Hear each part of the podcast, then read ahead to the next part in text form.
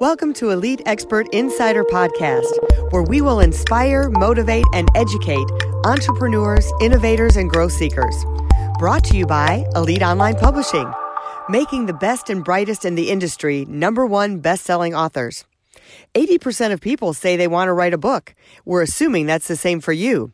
If so, contact us at www.eliteonlinepublishing.com and make your book a reality.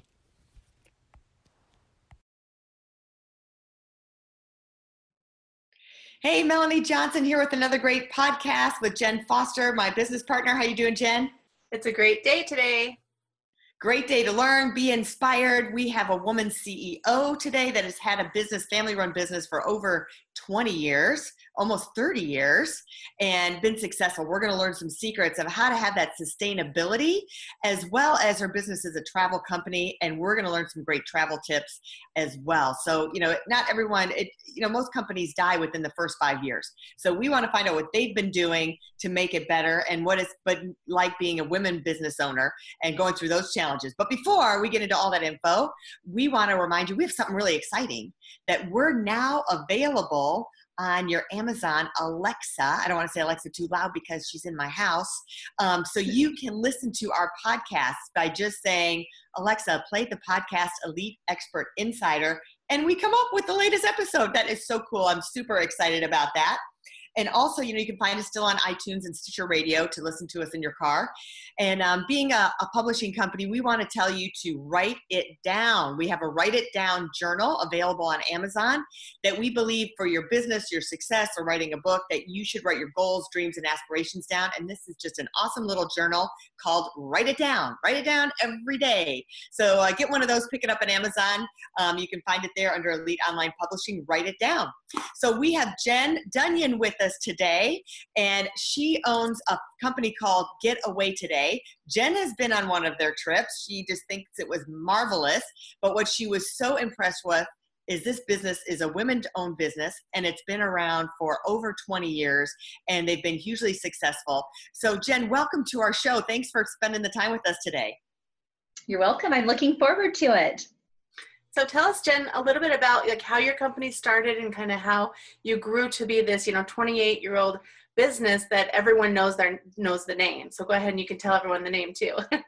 okay, absolutely. So yes, we're Getaway Today Vacations, and um, it's a lot of fun. We feel like we've made our vocation our vacation here. And um, truly, so I, I'm the executive vice president here, and my parents actually, Chuck and Julie Smith, they're the president and CEO. And Julie, of course, is the CEO you mentioned. They um, founded the business in 1990, it's about 28 years ago. And um, we actually went on a family vacation and had a wonderful time at the Disneyland Resort area. And we came home, and my parents were like, you know, is there a way to make this a business? Like, we have so much fun, but we spend a lot of money. Is there a way to save families money on this? And it was pre a lot of the travel companies that people know of today. And so we were kind of one of those first wholesale travel providers. And that when they came home, my mom and dad got to work and my mom was the one who worked on contracting different um, with hotels, with the theme parks, kind of putting together a good package. And then my dad was marketing it to organizations. And their idea was to save people a lot of money, like it was a group vacation, but being able to travel as an individual family. So we were actually one of Disney's first contracts. And um, the rest is history. We really, um, people appreciated being able to save money on their vacation and still having that great service. And um, now we um, have over 50 employees. We're located in the South Ogden area. And um, our staff, we have a genuine, just a love for planning family vacations and making magical memories for people. What a great way to make a living. You just make people happy and have good memories. and how awesome. So that tells me so, so many people have an idea, right, uh, about starting a business, and your parents came home and totally implemented it, had a strategy, and put it together and put it to work. And it did work. They did get the clients. And um, so tell us, you know, now it's flooded with the marketplace, right? There's a lot of people in your space, more than when you first started, obviously. So, what are ways that you um, set yourself up against the competition, marketing, advertising, positioning? What makes you guys different? And um, how, what have you found that's worked for your company? Wonderful. Well, that's my part, of, my um, role in the organization. And I feel like we have to reinvent ourselves all the time. I think that's really, um, in today's marketplace, like you said, it is so competitive. You can't afford to rest on your laurels and think you're going to be successful. Every day we're talking about what's next. How do we stay um, really competitive in our space? And um, like you said, travel, of course, is very, very competitive. So some things that we feel like set us apart is, um, you know, price is important. We feel like, you know, people appreciate a really good value and then service. And we're a small enough organization to really care and to individualize the vacation experience for people, but yet big enough to be able to save them a lot of money. Our history helps us too in the fact that we were the first provider doing this and we are the largest provider to the Disneyland Resort. So those two things, our partners, they really will take the best care of our guests. And I think people appreciate that over time. But our company now to how it was even two years ago is completely different. We've really had to been able to compete in the online space. And one thing that's really working for us right now is influencers and having you know different influencers talking about our brand. Where we have a brand that people enjoy talking about. Travel is like everyone's favorite thing they're looking forward to. It's the thing they want to be experiencing. And it's easy to get people excited about our brand and then where we deliver and where we take such good care of their followers or their guests um, you know we've become a really good fit. We've developed a very competitive um, affiliate program where people are able to to make a good living in working with us but also you know they always know that their guests and their followers will have the best experience so, you know, influencers are really a trending thing to get influencers. Tell us, walk us through the process because some people don't know what an influencer is, number one, but then it's like, oh, yeah, that would be great, but how do I do it? So, walk us through the process of how you did it. Okay, great. Well, it's something that um, we feel like we've always kind of done it because we've always, um, even when we started, Chuck's idea was to um, kind of sell like in bunches of bananas. It's just as much work to talk with one organization or one family. So let's talk to an organization and have them be excited about our program. So we've worked with a lot of school districts, credit union partners, and we still do. That's still actually the core of our business.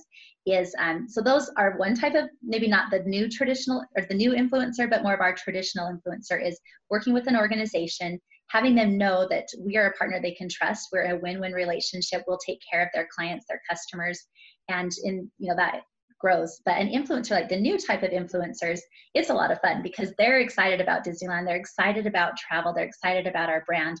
So it's something that um, you know we look for people that are already kind of maybe traveling or you know we're very family oriented travel. So you know influencers that have family or that are traveling to these destinations are a really good fit for us. Um, and then creating that long-term relationship. Because I think that the struggle that companies can have in working with influencers is that sometimes they won't see the results that they're hoping. Because it's really hard to sponsor like an Instagram post and feel like that's going to raise your business and your bottom line because it's gone so quick.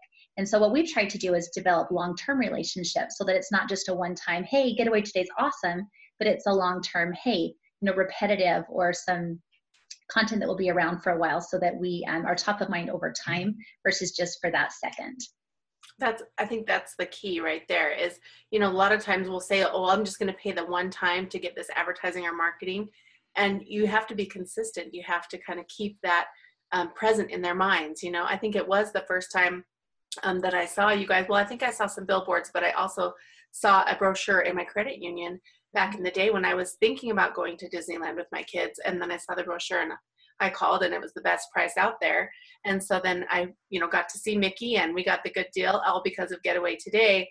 So that influencer really did boost, you know, all the credibility for me. Awesome. Yeah. And I think that it does give you, it's nice to know that an organization you trust trusts us also. Mm-hmm. Mm-hmm. So the influencer, did you just pick someone on Instagram or do you do you actually advertise with someone on Instagram and do shout outs with them? And uh, do you do like a series of shout outs with them on Instagram? Um, great question. So a lot of people find us, which is awesome because they they're kind of like yourself that they've used our services or they've seen our product and they feel like we could be a really good fit for their brand. Um, one example that's just kind of a fun one that um, kind of fell upon us is um, Casey Stouffer. Um, you might have seen her Darling Twins. They're really popular on YouTube and on Instagram, but they do these hilarious videos.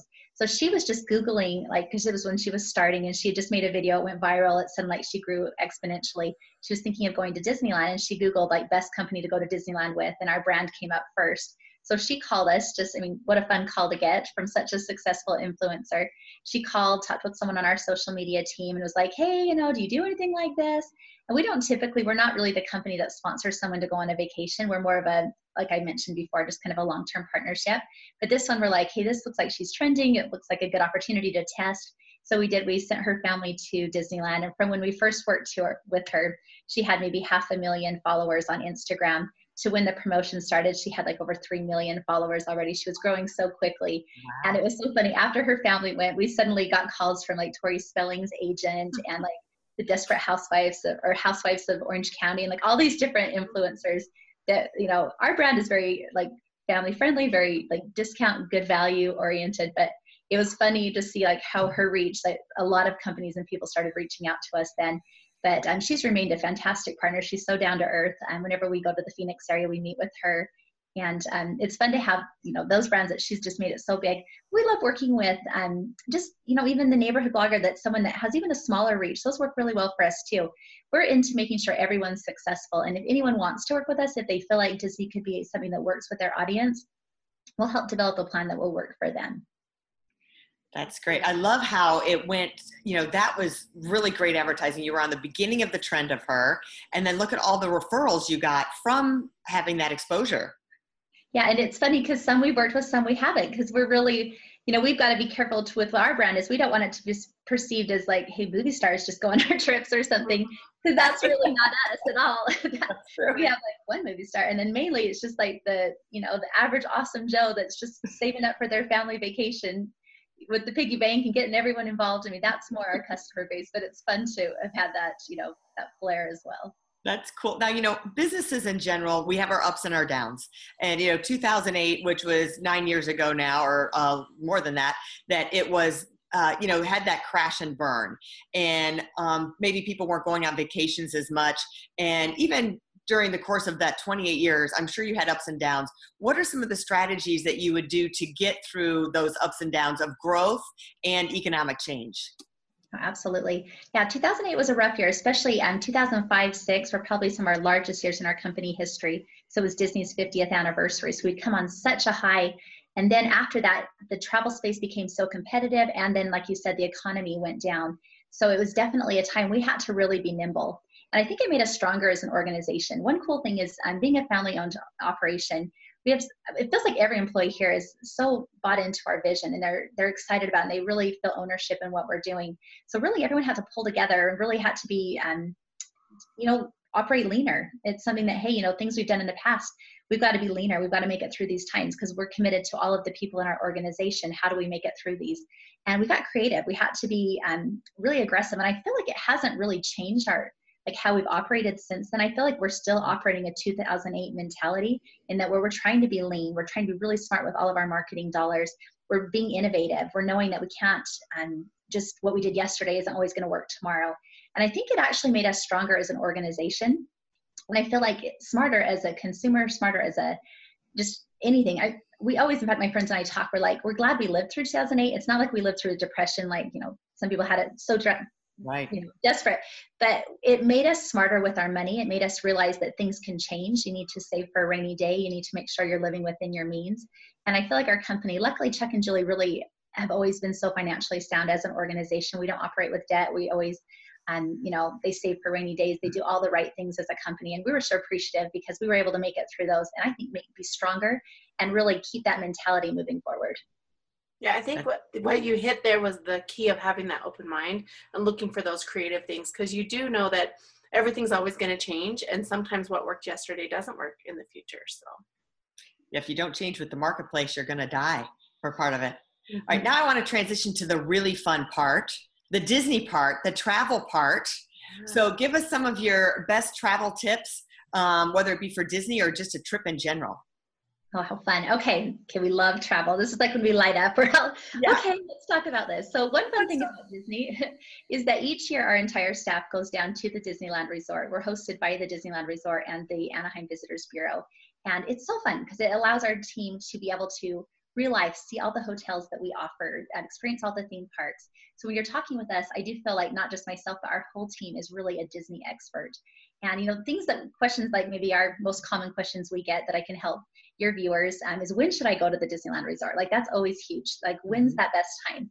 And people always want to avoid the crowds. And what we found is that you know, it's better for people to go when works for them because Disneyland's popular year round and it's just, you know, will help you navigate whenever you travel to get the best experience. So, um, you know, months that are maybe a little more affordable always and um, a little less crowded are January, February, May, August, and September. Um, Halloween time's huge at the Disneyland Resort, so if you like that, you can catch that in September. Um, October's a little bit more impacted with people. Um, the holidays are really popular at the Disneyland Resort. You can see those as early as the second week in November, and that's a really great pocket of time to visit. Um, anytime you're traveling, it's nice to get there just bright and early.